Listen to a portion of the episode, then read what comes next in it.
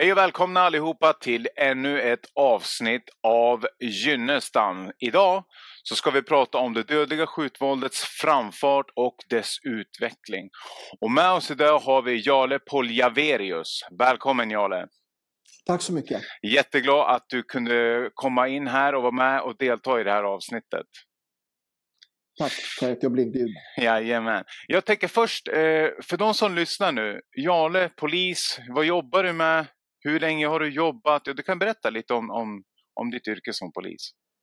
Ja, jag har varit polis ganska länge. Jag har varit mm. polis sedan, sedan 1991 då jag blev färdigutbildad. Jag började i januari 89 min mm. utbildning. Eh, och jag, just nu jobbar jag som eh, chef för underrättelsetjänsten i Region Mitt. Eh, mm. Region Mitt det är Uppsala län, Gävleborg och Västmanlands län. Okej. Okay. Vad va, va, underrättelsechef för de som lyssnar, vad gör en underrättelsechef?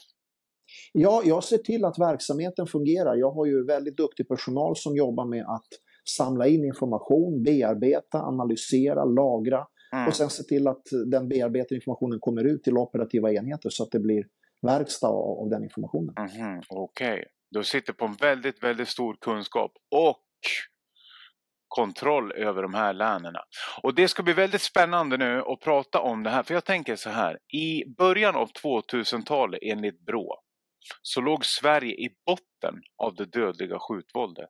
Vad tänker du 2023 när du hör det här? Ja, man kan väl säga med råge att när det gäller det dödliga våldet, vi vet ju statistiskt, när det gäller unga män, jag tror att det är, kommer ihåg exakt, men det tror jag 18 till 29 år, där ligger ju Sverige överlägset i topp när det gäller antal eh, dödade per 100 000 invånare i hela Europa. Mm. Och den utvecklingen är ju skrämmande. Det, ja. det, är otroligt märkligt, både hur fort det har gått och hur det har blivit. Mm. Och det finns en annan statistik där också som visar på att om man drar fram tiden fram till 2013 så börjar Sverige ligga i topp, då gick kurvan uppåt. Men samtidigt gick statistiken över det dödliga skjutvåldet i övriga Europa ner. Vad tror du att det handlar om och vad tänker du när du hör det? Alltså det är en ganska lång process som har pågått mm. un under många år och man kan väl med råge säga att den här processen den, den påbörjas inte redan vid 20 utan det här börjar någonstans i Sveriges eh, inträde i EU. Okay. Någonstans runt 1995. Mm. Eh, det, det, är en sån undersökning som vi har gjort och, och, gjort en stor analys av det. Och det är många, många olika faktorer som bidrar till att sedan 1995 och fram till idag så har förmågan att begå brott ökat väldigt, väldigt mycket. Medan mm. förmåga att beivra dessa brott har inte alls hängt med. Okay. Eh, och då har vi hittat några parametrar som, som vi måste utveckla för att liksom minska de här gapen. Då. Mm. Det enda egentligen positiva utvecklingen som har varit sista tiden, det, det är ju det här med Encrochat och, och den IT och cyberdelarna. Men det har man mm. också försökt stoppa då från, mm. från olika håll, då, inte minst när det gäller eh, grovt kriminella, men också från till exempel grupper som till exempel Advokatsamfundet och så vidare som försökte stoppa att det materialet inte skulle få användas vid rättegångar. Det var en stor debatt runt 2020 som pågick kring just den ja, ja. Eh, men, men anledningarna till det här, dels är det ju att eh, vi har, på Polismyndighetens sida har vi inte varit tillräckligt duktiga på att utnyttja tekniken till vår fördel. Grovt kriminella de har varit extremt duktiga mm. på att mm. använda sig av IT-teknik och, och, och, krypteringar och sådana saker. Mm. Eh, det är den ena delen. Den andra delen, vi har ju haft en gigantisk migrationsvåg där stora volymer människor har kommit och de har inte blivit ordentligt integrerade in i samhället. Mm. Och där finns det då en möjlighet att både utnyttja de här människorna i, i rent ska säga, ja, nästan som trafficking-syftet, där man använder dem för att genomföra enkla dirty work så att säga. Mm.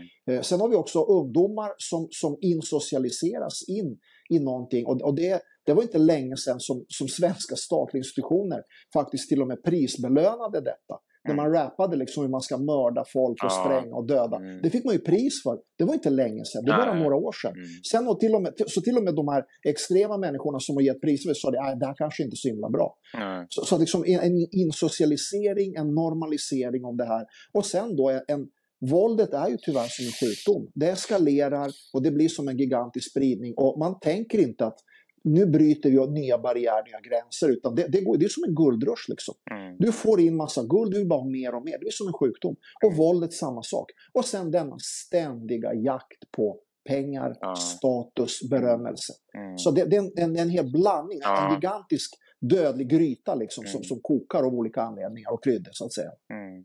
Ja, och jag tänker så här, 2013 så såg man ju att, att, att just dödliga skjutvåldet det ökade kraftigt. Just det, vad var det som hände just 2013? Du har kommit in på det här med EU 1995 och, och alla parametrar som du kom in på, men vad hände 2013 fram till 2018? För där, där ligger vi topp, från 2018 ligger vi topp. Ja, det, det, det, stämmer. Och, och, där, alltså vi har ju, man kan säga att hela 2010-talet mm. är ju en, en, en del där, där vissa människor påpekar det är någonting som håller på att hända mm. och andra vägrar inse detta. Så det pågår ju någon slags kamp både inom myndigheter, politiken, överallt. Liksom, där, vad är det egentligen som mm. händer? Och, och, 2015 var också ett sånt år, till exempel där jag jobbade, då var jag, på den tiden var jag lokalpolisområdeschef. Mm. Första halvan av 2015, där ville man inte riktigt erkänna att Uppsala har ju problem. Alla, mina medborgarlöften, men framförallt kvinnorna som berättade, vi vågar knappt gå genom resecentrum. Och där sa man, nej men det där är propaganda, det där är politik, det där är rasism och så vidare. Fast det var inte så, utan det var ju alla möjliga kvinnor som berättade att vi känner oss inte trygga i den här miljön. Och då måste man ju hörsamma en, en sån signal till exempel. Och, och jag tror att hela samhället var ju lite där någonstans. Är det här verkligen, stämmer verkligen det här? Eller är det här någonting annat? Så det tog tid för oss att vakna. Och 2013, 14, 15 någonstans runt 2016, då börjar samhället inse att här är ju någonting som är enormt mm. svårt och, och pågår. Och sen hade du fortfarande vissa då som vägrade inse det. Men runt 2018, som du säger, 2019, där inser nästan hela samhället nu. 90 procent skulle jag vilja påstå. Här har vi ett gigantiskt problem. Och det är väldigt få idag som påstår att Nej, men det här är inget bekymmer. Det, det, det, finns säkert de som påstår det, men, men, men alla är nog överens om, både partipolitiskt, myndighetsmässigt, att nu har vi gigantiska problem. Men där var vi inte 2013, 2014. Mm. Utan någonstans 2015 vaknar man. Men piken, den börjar ju gå, mm. sakta men säkert starta mm. där. Mm. Och jag, jag, tänker så här, vilka resurser, vilka mobiliseringar, vilka insatser börjar ni tänka på och fundera och implementera i, i, i samhället då när, det, när du såg den här eskalationen? När, när det här hände, det, det, mm. första som jag gjorde 2015, det var ju att det som medborgarna berättar för mig, det är ju mitt regelverk, så att säga, förutom det juridiska regelverket. För jag är ju polis och polis jobbar för sina medborgare. Så att där, fick vi börja direkt med det vi kallar för resecentrum i Uppsala. Att koncentrera, att jobba. Vi fick hjälp med kommunen, vi mobiliserade ordningsvakter, socialtjänsten. Alla kom ju dit och då börjar man liksom, man har ju samarbetat innan, men här blev ju samarbetet ännu mer intensivt och mycket mer mindsetmässigt mot just det här problemet. Och det var riktade narkotikainsatser, mm. vi jobbade med ungdomar, socialtjänsten jobbade väldigt mycket med, med att vara på plats, finnas där ute och så vidare. Så det var, det var hela Uppsala kommun började liksom mobilisera mm. sig och jobba med de här delarna. Mm. Och jag tänker så här, när, när en mordutredning, om man ska ta olika utredningar för sig, den är väldigt resurskrävande, den är tidskrävande, alltså det krävs eh, teknisk analys etc. etc. Vilka, det finns ju så mycket andra eh, faktorer som väger in i en mordutredning. Vad hände, nu kommer det här bli en liten fotnot, vad hände med den övriga kriminaliteten när ni såg att okej, okay, här sticker det iväg mordutredning på mordutredning på mordutredning. Va, vad hände med, med den andra övriga kriminaliteten? Då? Alltså i början, så länge de enheterna som sysslar med grova brott mm. kan bemanna och, och, och hantera morden, mm. då händer ju ingenting. Mm. Utan då, då fortsätter ju de här vanliga, det vi kallar för, lite slarvigt polisiärt, för mängdbrott. Det är alltså brott av normalgrad. Det är inbrott, vanliga misshandlar, hot och så vidare. Mm. Och inte minst kvinnovåldet. Yeah. Det, det, får man inte glömma i det här fallet. Vi pratar ju gängvåld, men, men det dödliga kvinnovåldet, det är också en gigantisk parameter. Så där måste, vi måste ha liksom resurser som kan hantera de här delarna.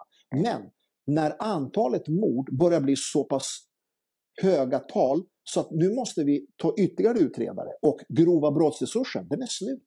Mm. Det finns i alla utredare med grova brott jobbar nu med, med, med kanske två eller kanske tre mord på sina bord. Mm. Vi kan inte lägga på ytterligare ett ärende. Mm. Då måste du börja göra eh, resursförflyttningar från de som kanske jobbar med normalgradsbrotten eller med, med, med, med kvinnor våld och så vidare. Nu har vi verkligen försökt freda de som jobbar med kvinnovåld, men, men de är så få liksom, så att vi har ju problem även där. Mm. Men, men, just att, att normalgraden, de, de brotten börjar ju ta stryk.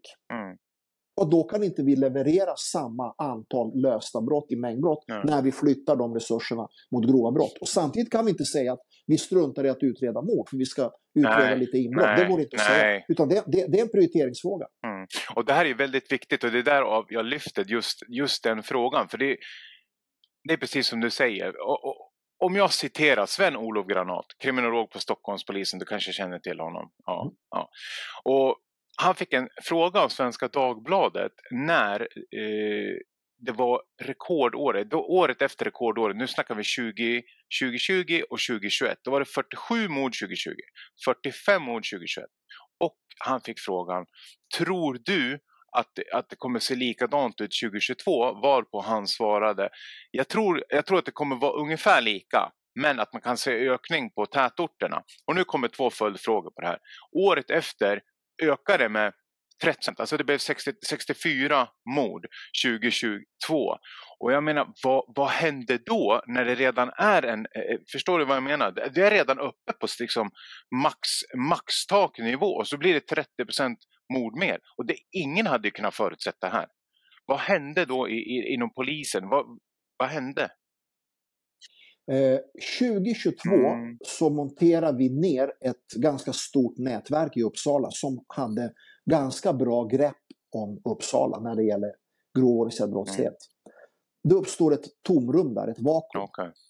med kvar, alltså rester av, av, av- den här stora grupperingen. Men här så har det ju sedan tidigare varit små instick av en annan stor gruppering som, som vi läser väldigt mycket om. Jag kommer inte gå in på några namn och så vidare. Men, men, men det, det är en Mm. jättestor konflikt som bryter ut. Och den har stora Eh, investeringsdelar i bland annat Uppsala. Och många av dem kommer från Uppsala dessutom. Och även scenen för själva konflikten är i vissa delar också Uppsala bland annat och även Region Mitt. Och, och när, när, när, det, när du får Mm. inbördeskrig i de här gänggrupperingarna, de brukar ju ofta vara väldigt, väldigt blodiga. Det är egentligen samma princip som när ett land drabbas av inbördeskrig. Inbördeskrig är ju oftast värre än när två olika stater bekämpar varandra, tyvärr. När bror mot bror liksom börjar mörda varandra, då blir det hemskt alltså. Och det är samma sak här, när gänggrupperingarna spricker och du får de här delarna, då blir det väldigt intensiva delar. Plus att Mm. i, i den här specifika Ja. fallet så har vi ju sett Mm.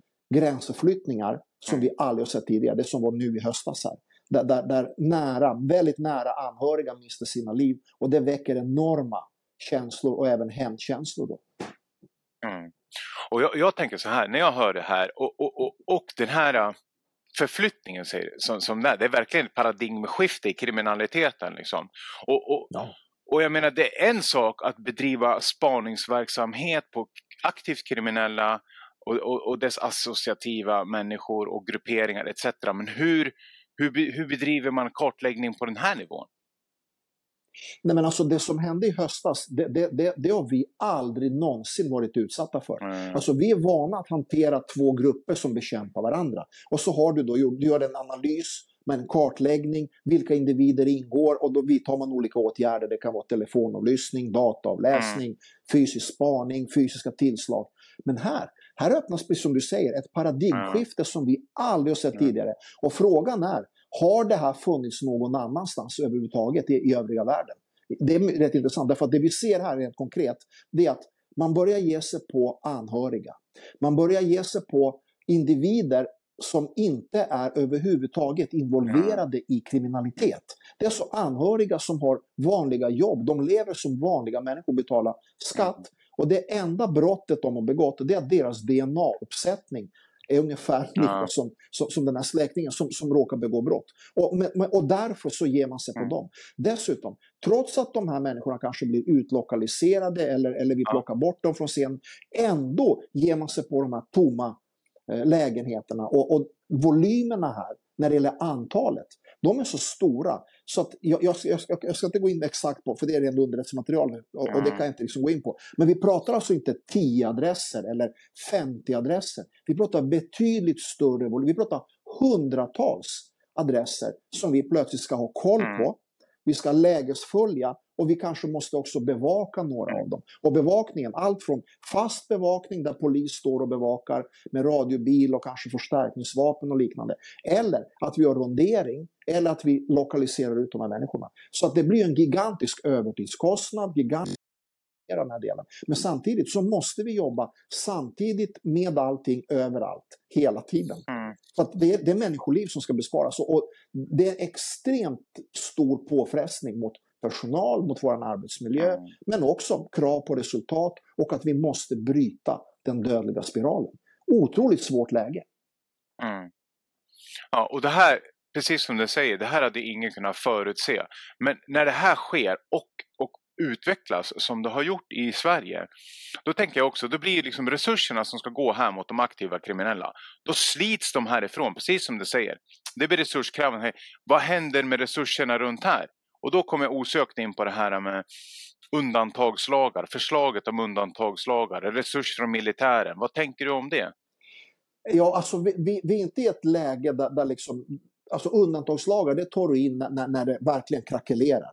Eh, det här är ju mm. riktat nu mot en viss gruppering, deras släktingar. Sen tyvärr har vi också sett att tredje man, som inte ens är släkt, de har också drabbats av det på grund av att man klarar inte av att hantera varken vapnen eller sprängladdningarna. Det är ju liksom, det är, totala analfabeter som hanterar de här grejerna.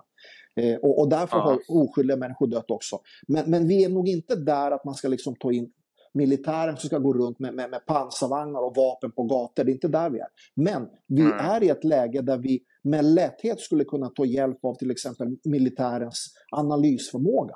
Att till mm. exempel underrättelsetjänsten får hjälp med, med, med, att vi fortsätter, att vi får bli fler analytiker. Det skulle vi verkligen kunna ta hjälp av. Mm. Eller att militären kan hjälpa till med olika transporter, med, med, med logistik och sådana delar. Liksom.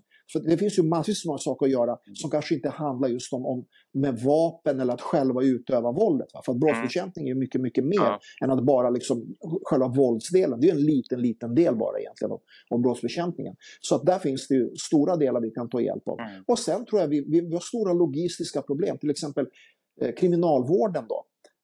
Vi, alltså vi, vi, vi skyfflar ju in, nästan fabriksmässigt in, gripna som blir anhållna eller häktade. Mm. Var ska alla de människorna sitta? Mm. Vi har underåriga som låses in på ett sätt som, som inte kanske är förenligt med, med den gällande lagstiftningen. Mm. Så, så, att de här logistikdelarna, där, där, skulle man ju verkligen titta på. Vilka kan andra bidra ja. med? Har Migrationsverket lokaler de kan upplåta som är, där man, har, man kan låsa in? Mm. Har militären sådana typer av lokaler liksom, där, där vi har till temporära arrester? Men, och, men då måste det också vara en standard på de delarna. Ja. Det är inte bara låsa in någon. Utan, utan det, det, det, ska vara standard, det ska vara tillsyn, det ska vara mat, det är vatten, det är vätska, det är toalettbesök, det är hygiendelar. Alltså det ska ju vara ett demokratiskt land som ska hantera det här, inte att du bara låser in någon. Mm. Så att när, när läktarkåren skriker, det är bara att låsa in och kasta bort ja. nyckeln. De vet ju inte vad de pratar Nej. om. Inte ett demokratiskt land. Liksom. Så kan vi inte ha det. Och, och osökt kommer jag in på, på en fråga då om, och, som har förts, privata fängelser. Vad tror du om en privatisering riktad mot kriminalvården eller intrång i kriminalvården i statliga sektorn? Ja, det där är jäkligt svårt. Mm. Alltså, å ena sidan, det skulle säkert funka väldigt bra där du snabbt kommer få upp det. För privata företag har ju en benägenhet att vara väldigt effektiva. Mm. De söker ju liksom effektivitet och så vidare. Å andra sidan, det finns en fara eh, som man måste ta med i beaktande. Om man vill, jag, jag kan säga, varken säga nej, du eller nej. men jag vill bara poängtera att man måste ta i beaktande en del. Man har löst genom privatiseringar många saker, allt från HVB-hem mm. till, till bidrags eh, de här delarna som, som, som, man har när man ska vårda i hemmet och liknande, alltså patienter. Ja. Där har vi sett att grov organiserad brottslighet har verkligen gått in som en, som en gigantisk atomubåt mm. och bara kopplar på slangar och bara suger bidragssystemet ur det här landet. Mm. Det skulle vara förödande om, om, om grovt kriminella öppnar upp anstalter, plockar in folk, för vi har sett det i vissa av de här vårdhemmen. Det finns tendenser där, där, vi misstänker att i vissa lägen så värvar man de här stackars ungdomarna som blivit placerade. Och de ska ju sluta med brott, mm. inte mm. eskalera och höja sin karriärstege när det gäller kriminalitet. Mm. Så, så det, det, är en fara med, med, med, om man skulle privatisera. För att när man privatiserar, det, du har långt ifrån all kontroll över det här. Mm. Så att jag tror någonstans att när det gäller fängelser och, och kriminalvård, det är nog inte helt fel om det ligger inom statlig förvaltning faktiskt. Mm. Ja, men suveränt och fantastiskt spännande del 1. Vi ska gå till en kortare paus här nu, så fyll på kaffe, sätt ner hantarna, lägg kudden rätt på soffan. Vi är strax tillbaks, jajamän!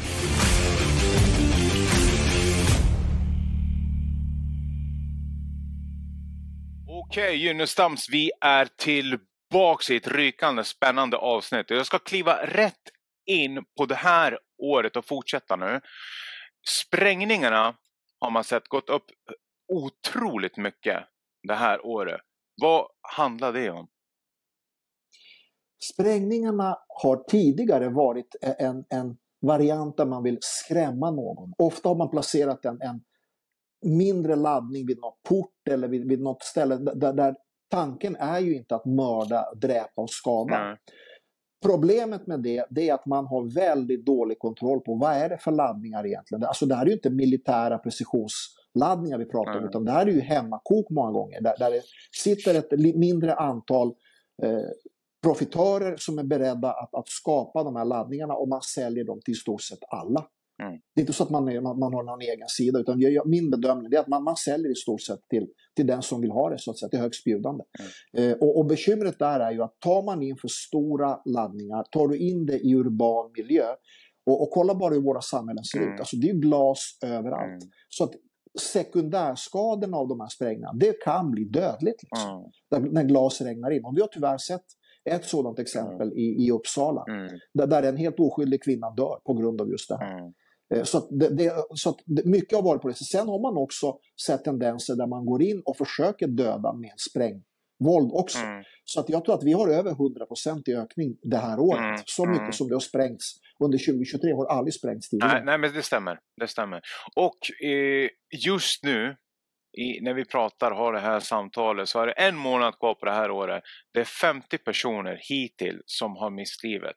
Så det här ser ut att det blir det näst värsta året någonsin om det inte blir en septembermånad. Det vill säga att det sker 14, mm. 14 mord. Hur, hur mm. ser ni nu? Alltså det har ju ändå mattats ner nu med det dödliga skjutvåldet. Det har gått ner lite. Va, vad är det som har hänt då?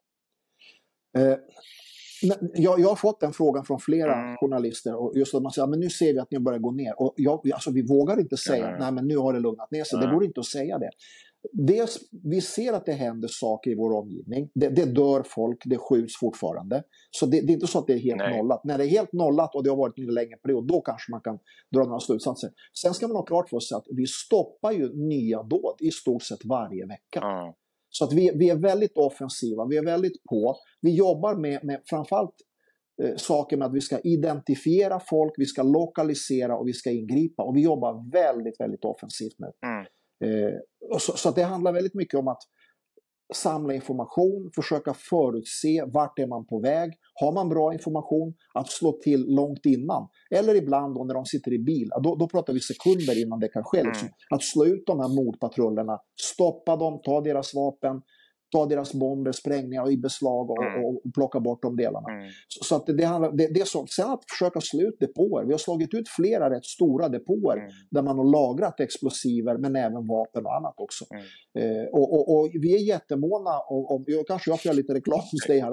Vi är jättemåna om att snälla, de som vet, det ligger illegala vapen, det ligger bomber, handgranater eller explosiver någonstans. Berätta det för oss vi kan åka ut och slå ut de här delarna. Det är väldigt viktigt för då slår vi ut dem liksom när de är som lättast att plocka bort, det vill säga när de ligger lagrade i någon slags depå. Mm. Det, det, är värre när de här sakerna ligger i fickor, benfickor eller väskor eller bilar. Då, då är de redan på väg någonstans. Liksom. Då, då, då, börjar det bli nä nära så att säga. Mm. Så att vi har jobbat med den metodiken och vi hoppas på att vi ska få ännu mer information kring det här då. Mm. För då är vi mycket, mycket effektivare också. Mm. Och då, kan man bryta kurvan. Mm. Så att vi, vi kommer att göra allt vi kan nu för att de här siffrorna ska, ska ligga lågt. Mm.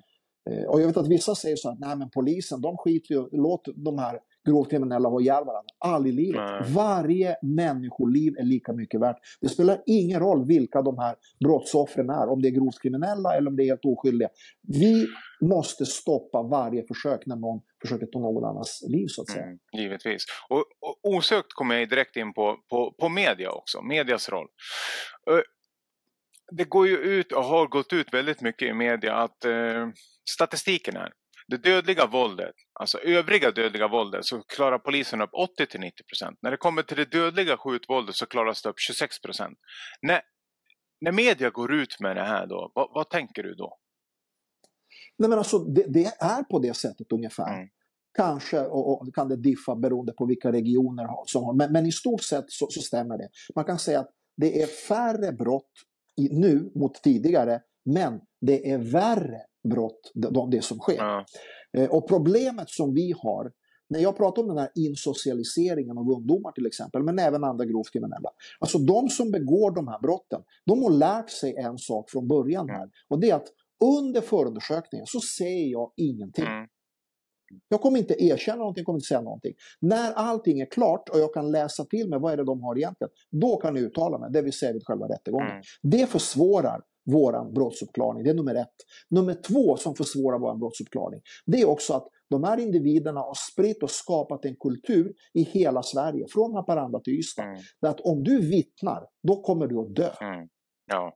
Tjallare tar vi koll på. Mm. Och, det, det, och det, det, vet alltså barn och det vet gamlingar. Mm. Alltså svensk kultur när det är vittnesmål, det går inte att jämföra det med våra grannländer. Mm. Till exempel när, när, när, när motpatrullen och Shottaz klappar på varandra nere i Danmark så hade åklagaren ett flertal vittnen. Ja. Och de här killarna var helt förvånade. Vadå, vadå vittnen? Ja, men de stod på balkongen och såg. Jo, men vadå, ska de vittna eller? Mm. Så är det inte hemma hos oss. Mm. Ja, just det. Mm. Det är någonting helt annat. Så tystnadskulturen och sen den uråldriga, dåliga svenska rättegångsbalken som inte längre fungerar. Mm. De två parametrarna de gör att vi, det är stora tyngder och vi kan inte nå upp till ytan hela vägen för att få det här. Mm. Så att vi måste få den delen. Och det är inte så att vi inte vill utreda. Vi gör allt mm. vi kan utredningsmässigt.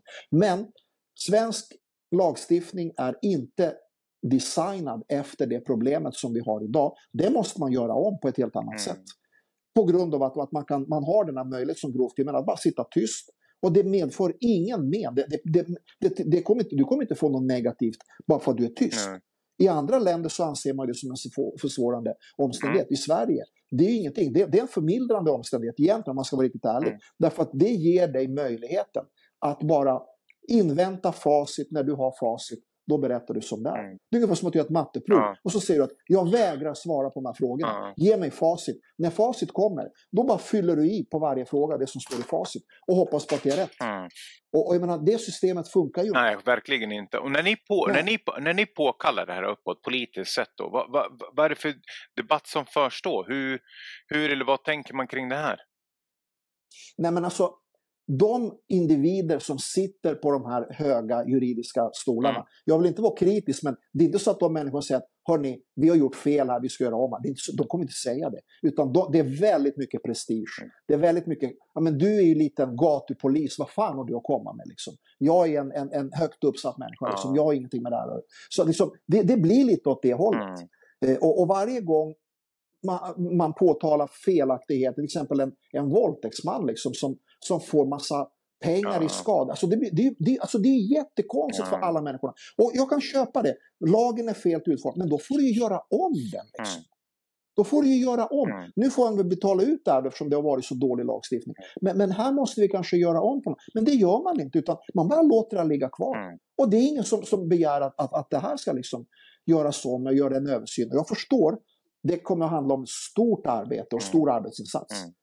Men alla människor i dagens samhälle måste jobba. Liksom. Det är inte så att vi, vi, kan bara sitta och, och, och, och liksom åka på och segla runt liksom, mm. på, en, på en räkmacka. Utan alla måste göra det. Mm. Och jag tror att man måste göra en ordentlig översyn och designa om det här. Och se till att det här fungerar och moderniseras. För det här är uråldrigt. Det funkade 1940 när den kom, eller 42, mm. när, när rättegångsbalken skrevs. Men idag funkar det ta med fan inte. Nej, absolut inte. Och jag tänker precis som du säger här, alltså om jag backar tillbaks till del ett när vi pratade om, när du, när du nämnde här att har vi sett det här förut, har vi ens sett det här i något annat land? Osökt kommer jag in på Pablo Escobar Colombia. Där såg man det här. Där såg man hur, hur liksom våldsspiralen den tog fart och de här människorna som man hade kontakt med, okej, okay, plata i plomo. Gör inte du det här med mig, jag dödar din familj. Jag gräver ner ditt DNA. När inte det funkar och så gick det, liksom började sprängningarna eskalera. Där osökt så kommer jag in på det här. Och där hade du också en regering som sa vänta, vänta till USA, vänta, vänta, backa lite här nu, det här måste vi greja, vänta, ska vi verkligen göra så här? Nej, men vi, vet du vad, vi låter dem bygga ett eget fängelse här nu, så blir allt lugnt. Och när jag drar det här i relation till Sverige, vad tänker du då?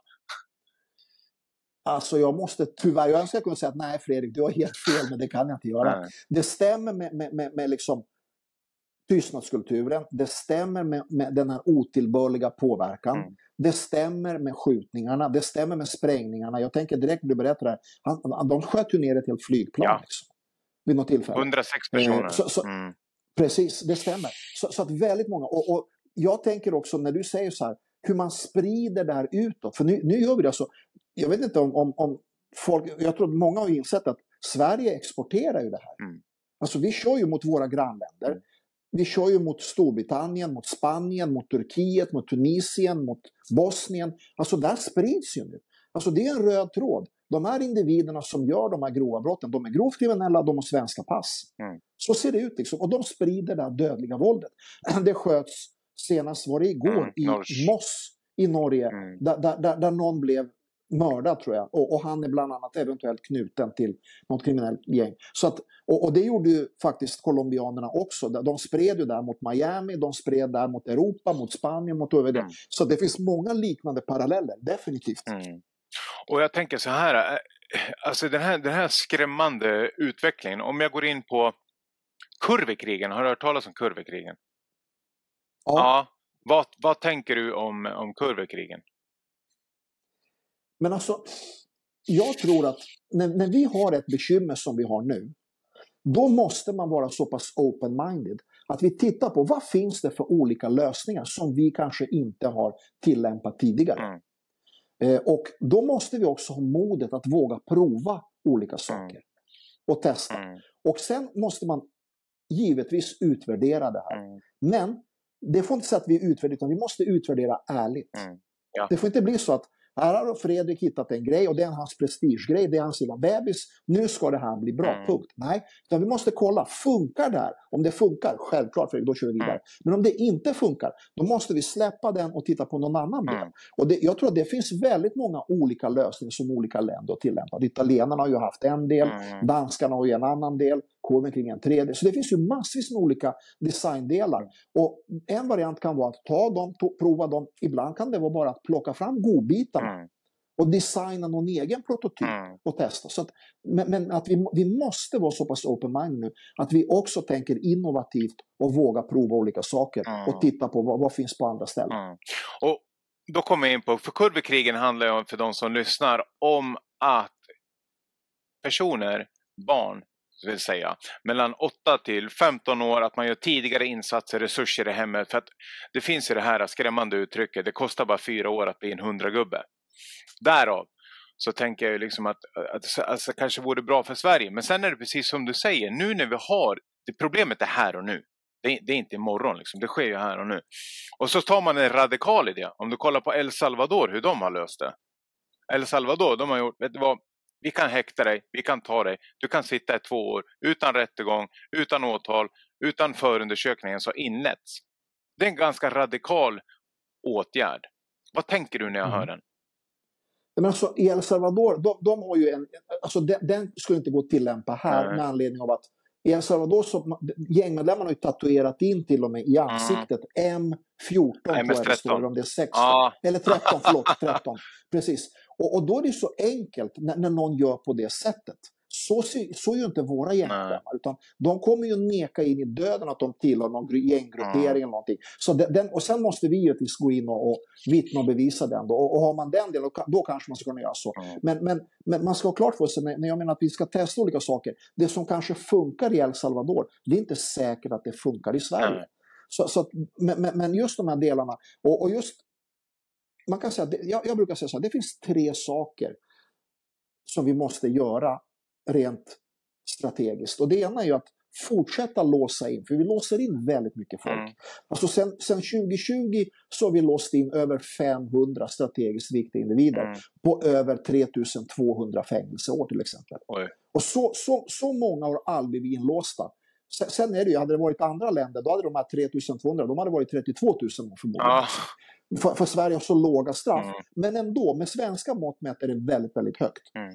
Men det hjälper ju inte, det här fortsätter ju. Mm. Och då innebär, då måste man titta vidare på varför är det så här? Jo, därför att det fylls på. Ja, men vad, blir, vad måste vi respondera det med? Jo, det ena är avhopp, Mm. där vi pratar med grovt kriminella. Och, och, och erbjuder dem avhopp så att de antingen kan få någon utbildning eller om de kan liksom få ett jobb eller att de gör någonting annat än begår grova brott. Liksom. Och många av dem är benägna faktiskt att kliva av för de märker efter några år, det här sliter ju på, Ja. på, på, på, på, på hjärnan och även faktiskt på hjärtat. Alltså att, Mm. att knarka dygnet runt, att inte sova, att, att hela tiden försöka liksom hävda sig och vara någon slags number one. Alltså det tar ju, folk tar ju stryk av Mm. det. Och, och motivera dem att hoppa av. Och sen den tredje delen, du som du är inne Mm. på med, med korven krigen. Liksom att, hur gör vi för att stoppa nyrekryteringen? Och skulle vi få gröna liksom, bockar i alla tre rutorna, då är det här problemet bekämpat så att säga. Mm. Då kommer det liksom att sjunka markant. Mm. Vi kommer aldrig att utrota det, det kommer aldrig ske. nej. Men vi kommer, vi kommer få en helt annan kontroll över problemet. Mm. Och jag tänk, Så tänker jag. Ja. Absolut, och då tänker jag av de här tre bockarna. Vilken ser du störst potential i här och nu i Sverige 2023? Alltså våran största potential det är avhopp och, och uh, ungdomsrekryteringar. Därför att jag vill påstå, när det gäller inlåsning, Mm. folk får säga vad de vill. Mm. Där är väl godkänt. Alltså vi har låst in så mycket folk. Mm. Så, och, och dessutom, vi har låst in så många och många står på tur så de har ju flytt landet.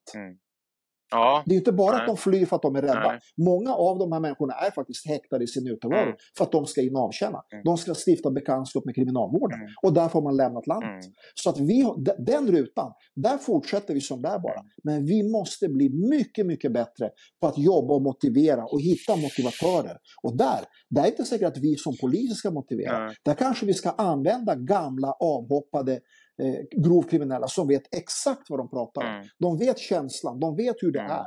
De vet liksom hur, hur det är att stå mellan och mosas mellan ordningsmakt och grovt kriminella krav. Och så står den lilla individen däremellan och vet vad fan ska jag ta vägen någonstans. Den känslan kan de förmedla och, och på så sätt väcka en tanke hos de här individerna att nej, det här är inte värt det, jag hoppar av. Mm. Och sen då barnen. Mm. Att stenhårt gå på barnen. Och det, det de har gjort med insocialisering, vi ska också insocialisera i dem. Det är inte fult att vara med sin familj. Det är inte fult att ha ett jobb. Det är inte fult att faktiskt göra rätt för sig, betala sin skatt och sova gott om natten. Det är inte fult, utan det är normalt. Fullt normalt. Men att mörda andra människor, det, det gör man bara inte. Absolut inte. Det är inte normalt. Och, det, och, det, och den, den insocialisering måste samhället stå för. Mm. Liksom. Och jag tänker så här, då, då kommer jag tillbaka på någonting som vi sa i 1 här. Och du pratar om, jag tänker på förebilder när jag hör det här. Förebilder, tänker jag, Mm. positiva förebilder. Och då tänker jag precis som du säger, den här gangsterrappen kommer jag osökt in på då. Det, det är Mm. flashiga bilar, det är mycket pengar, man pratar om att och, och, jag ska klippa barn och hej och hå, all, all, allt vad det sjungs om. Vad, vad tänker du där? Hur stor påverkan har den kraften? Musikvideos Mm, i kombination med statussymboler. okej. Där du ser den live på gatan, Mm. feta bilen, Mm. guldkedjan. Och även sociala medier, in där man visar upp de här sakerna. De tre sakerna, det är det som är själva grunden för insocialisering. Mm, Att under fyra minuter, fyra minuters totala lögn, inte en enda grej är äkta under fyra minuter. nej. Utan, och då pratar inte jag om alla musikvideos. Jag pratar inte om de musikvideos som skildrar hur svårt det är att växa upp med bara en mamma eller, eller att, att, att se sina vänner dö. Det är inte det jag pratar om. Utan jag pratar om de här som bröstar upp sig och säger att om du ställer dig i vägen för mig så ska jag hjälpa dig och så vidare. va. Det, där är, alltså det är det jag sitter och pratar om. Mm. Alltså rena våldsperversioner där man avlossar vapen. Man, man, man, visar upp sig, man maskerar sig, man, man tar ut 150 man och skriker om vad man ska göra med samhället, vad man ska göra med landet och, och visar upp sina penningbuntar. Det är det jag pratar om. Mm. Det är fyra minuter av ren lögn. Mm. För var är de nu? Ingenstans. Nej. Några av dem är till och med döda. Om man skulle bara titta på en sån här musikvideo och bara sätta ut så här liksom, kors, den är död, den är död, den är död. Alltså det som du sa, det, det, det har varit ungefär i snitt 50 per år Mm. i snart 6-7 års tid. Mm. Liksom. Mm. Det är många människor som har dött. Men det är ingen som gör musikvideos som det. Det. Det är väldigt få som pratar om den delen, den stora volymen. Mm. Visst, man kan prata att jag, jag förlorade en kompis. Men alla de här andra som aldrig omnämns. Mm. Utan det här påminner väldigt mycket om ren propagandavideo där du ska värva soldater som sen ska gå ut mm. i någonting som, som, som, liknar ett lågintensivt krigsläge. Mm. Ja. Det är fruktansvärt. Och osökt så kommer jag in på, om man drar kopplingarna, jag gjorde det här i vår dokumentär också, med det dödliga skjutvåldet till, till situationen i USA. När gangsterrappen kom fram med NWA, ECE och så kom Tupac och så kom Biggie och så blev det liksom Crips and Bloods tog varsin sida och så slutade det med att de där två, de dog. Och USA, de bara slog ner foten och sa, vet ni vad, det är därför det är så mycket blurr och de fick göra om precis varenda, varenda ja, raplåtar. Vad tänker du om det? Alltså i Sverige har vi en grundlag och vi ska inte censurera saker och ting. Mm. Det, det, det, är någonting mm. som vi har liksom, det, det, är grunden för allting. Och, och, jag kan tycka någonstans att man kanske inte ska liksom blurra där, man ska inte göra det, utan låt de här människorna göra det. Alltså det är fritt att, att få uttrycka sig. Mm. Och dessutom, många gånger har vi använt de här musikvideorna faktiskt i bevissyfte. Ja. Där de har faktiskt, till exempel, vi vet ju att ett vapen, med ett vapen som de har visat upp i sina musikvideos, de har ju mördat en liten tjej. Ja. Ja. Lilla tjejen nere i Botkyrka. Ja. Som, som, de, som de bara dräpte rakt av. Liksom. Så, så att liksom sådana vapen är också intressanta att, att kunna identifiera och se om de dyker upp och så vidare. Så det finns ju både, alltså det är produktivt ur utredningssynpunkt det ena, mm. men det andra är också att jag tror inte, om, om, man, om man bemöter det här på rätt sätt, så kan du faktiskt vända de här musiken mot de här människorna. Mm. Okay. En variant är ju till exempel, bland det värsta jag har sett när det gäller demokratikränkningen, det är ju en rapartist som går in och får tillstånd av Södertörns tingsrätt om att spela in en musikvideo in i en rättegångssal. Mm. Eh, och, där, och det gör han tillsammans med sina kamrater som är advokater. Så att de fixar det här så att de får gå in där. De, de, de, de, jag tror de lurar den här den här domaren som, som bestämde i Södertörns tingsrätt att man skulle ha någon, någon slags övning, övningsmiljö. Mm. Och sen in med kamerorna och den här killen hoppar runt på borden. Han, han visar att lagboken, det är hans ansikte, det är han som är den svenska lagen, inte Sveriges rikes lag till exempel. Mm. Sådana saker. Och de här advokaterna är med där och, och, och, några spelar åklagare, domare och så vidare. Och allt vad de är. Mm. Och, och liksom, där har man ju, och där visar man liksom, kolla vilken makt jag har, kolla vad jag kan göra, det är jag som bestämmer, jag är egentligen lagen. Mm. Så, så liksom, det, det, det, är liksom här, då, då nådde vi någon slags kulmen liksom, på, på de här musikvirusen. Mm. Och, och, jag tycker det är helt befängt att man kan tillåta sådana här saker. Mm. Nu vart ju hon vilseledd den här domaren. Mm. Men, men jag, jag tänker att i, i, i, nästa gång, en, en advokatbyrå, de kanske kan hitta liksom någon annan lokal än att vara inne i, i, i statliga mm. domstolar. Ja, liksom, kan man tycka. Absolut, absolut. Och jag tänker också, när vi, om vi kommer tillbaka till det här med Encrochat och advokaten, att de stred väldigt mycket för att det inte ska få användas i, som bevis marknadsföring. Vad tänker du om det och vad handlar det om? Eh, vi hade fler, när, när de första ärendena av NK kom, mm. det var redan 2020. Mm.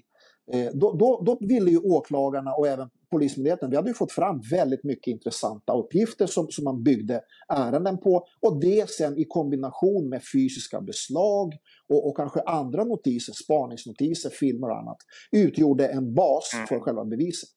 Och då menade flera och oroande många advokater att det här ska inte få användas. Nej. Trots, de går in med det, trots att vi har någonting i Sverige som vi kallar för fri bevisvärdering. Mm. Det betyder att du kan lägga upp egentligen vilket bevis som helst, till och med bevis som har kommit fram till under, under icke lagliga omständigheter, men du lägger ändå fram mm. den. Sen ska självklart påföljden kanske minskas på grund av det ska vara förmildrande omständighet för att det här beviset framkom under mm. brott och så vidare. Till exempel en olovlig kameraövervakning och liknande. Mm. Och, och sen ska ju givetvis den som har gjort sig skyldig till det här brottet, det blir en separat förundersökning. Då ska ju den dömas givetvis mm. också.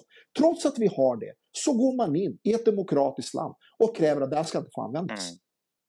Och vi visste ju inte, vilken väg kommer det här att ta? Tänk om domstolen säger ja, att ni får inte använda det enda landet i hela Europa och kanske hela världen som vi inte får använda bevis som har framkommit i det här. Det hade ju varit en, en, en praktskandal. Ja. Och ändå går man in och gör det. Och jag, jag funderade först, va, va, hur, hur, kan de göra så här? Det var helt obegripligt. Mm. Och sen kom svaret, något år efter. Jag vet inte hur många de är, men det sitter x antal före detta, eller kanske fortfarande medlemmar, jag vet inte, jag kan inte Advokatsamfundet, som är dömda för grova brott, som sitter och avtjänar fängelse. Ja. Ja, det det. Jag vet inte exakt hur många de Nej. är, men det är inte en och det är inte fem heller. Nej, nej. Nej. Nej. Och, och jag tänker så här, här du, du problematiserar och sätter fingret på den här juridiska djungeln just nu. Som Mm. gör att det blir försvårade omständigheter för polisen att, att eh, dels bedriva förundersökning, kom, eh, att, fälla, att komma till en fällande åtal och komma till en fällande dom. Om, nu kommer en hypotetisk fråga, om ni som poliser verkligen kunde kringgå det här, hur tror du att det hade sett ut då med lagförda brott och fällande domar? Men alltså vi får inte kringgå det där. Alltså vi, vi måste, det är bara att svälja det. Mm. Alltså det är ett demokratiskt land. Mm. I ett demokratiskt land ska Mm. polisen inte kringgå någonting. Utan Mm. vi förhåller oss till de här reglerna som finns. Mm. Men samtidigt, jag vet att många tycker att ni ska bara hålla käften och göra ett jobb. Nej, inte i ett demokratiskt land. Det är vår rätt också att få påtala att de här problemen ser vi och vi flaggar för det här. Det får vi faktiskt göra enligt grundlagen. Mm. Sen att vissa tycker att ni är poliser, ni är inte värda någonting, ni ska bara hålla käften och göra ert jobb. Mm. Jag förstår det. Mm. Men så funkar det inte i demokratiskt samhälle. Utan tycker vi att nu har vi faktiskt fått fram bevis Mm. som är att anse att det här är liksom, det, det, det där är rimligt att någon ska bli dömd för det här. Och någon tycker att nej, det här räcker inte. Och vi tycker att det, är, det ni begär nu, det är orimligt. Mm. Då måste vi få påtala. Mm. Sen kanske vi inte har rätt. Men vi måste också faktiskt få flagga för saker och ting. Utan att vissa då blir väldigt upprörda Mm. och tycker, vadå, ska ni få uttala er? Ja, det ska. Mm. I ett demokratiskt land ska alla få uttala sig. Mm. Men att kringgå några regler, det går inte polisiärt. Utan vi måste förhålla oss inom de ramarna som Mm, finns. Givetvis. Och jag, jag Ja. tänker så här.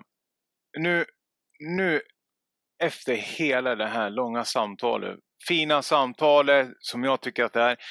Vad tänker du och vad ser du fram 2024?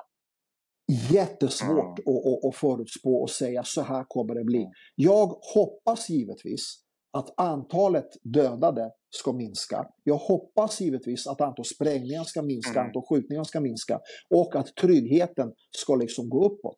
Och, och jag tror att om vi polisiärt jobbar med fem saker Mm. aktivt. Vi, vi måste jobba med att fortsätta med det dödliga våldet, det är nummer ett. Nummer två, gränsrelaterad brottslighet tillsammans med tullen och andra aktörer, kustbevakningen, jobba vidare med och utveckla arbetet. IT cyber, fortsätta utveckla våra möjligheter, hur vi kan använda IT i våran, våran utredning, våran spaning, våra analyser. Den fjärde delen, som är den absolut viktigaste, kriminell ekonomi. Skruva åt ännu mer där. Det kommer intressant lagstiftning under 2024. Verkligen vara med direkt från början. Mm. Rivstarta, jobba med den delen. Mm. Och sen den femte, också extremt viktiga delen. Otillbörlig påverkan, otillåten påverkan. Mm. Där vi tittar på våra samverkanspartner, andra, men också oss själva. Mm. Vad är det för folk vi tar in? Mm. Och vi ser alarmerande exempel. De här två ryska spionerna som, Mm. som Säpo och Migrationsverket råkade ut för. Vår egen myndighet jobbar med mycket saker. Jag tror att det sitter någon häktad nu Mm. eh, i Region Nord, en, en polis. Eh, jag vet inte exakt vad det där handlar om, men, men, men man blir inte häktad för ingenting så att säga. Och, och, och sen så ser vi också det som hände i, i tingsrätten i Sollentuna. Eh, Attunda tingsrätt tror jag det Mm. heter. Där, där, där, där en kvinna läckte ut uppgifter direkt till, till, till kriminella. Hon misstänks för detta. Och där pågår liksom eh, en rättegång just nu. Mm. Eh, eller åtalet är väckt, jag vet inte om rättegången har börjat Mm. än. Men, men, men jobba med de delarna så att vi verkligen hela tiden kan se och slå ut de här individerna som finns. Lyckas vi med de fem Mm. sakerna, då tror jag att 2024 och även framtiden kommer att se betydligt ljusare ut än vad den gör idag. Mm. Fantastiskt roligt och spännande avsnitt. Ja, det här har vi suttit nu i ungefär 50 minuter. Jag har suttit så här hela tiden. Är otroligt tacksam att du kunde delta. Är det någonting som du vill säga sammanfattningsvis eller några avslutande ord? Ja, alltså sammanfattningsvis Mm. skulle man kunna säga så här. Vi, hela samhället måste mobiliseras i det här. Eh, och det kommer bli väldigt besvärligt. Men vi måste våga fronta den bistra verkligheten och inse så här illa är det. Mm. Men samtidigt aldrig tappa hoppet om att vi kommer att lyckas att, att, att få tillbaka kontrollen över det här. Mm. Suveränt. Okej, till alla er som har lyssnat, kom ihåg gilla, dela, prenumerera, stay tuned och vi hörs.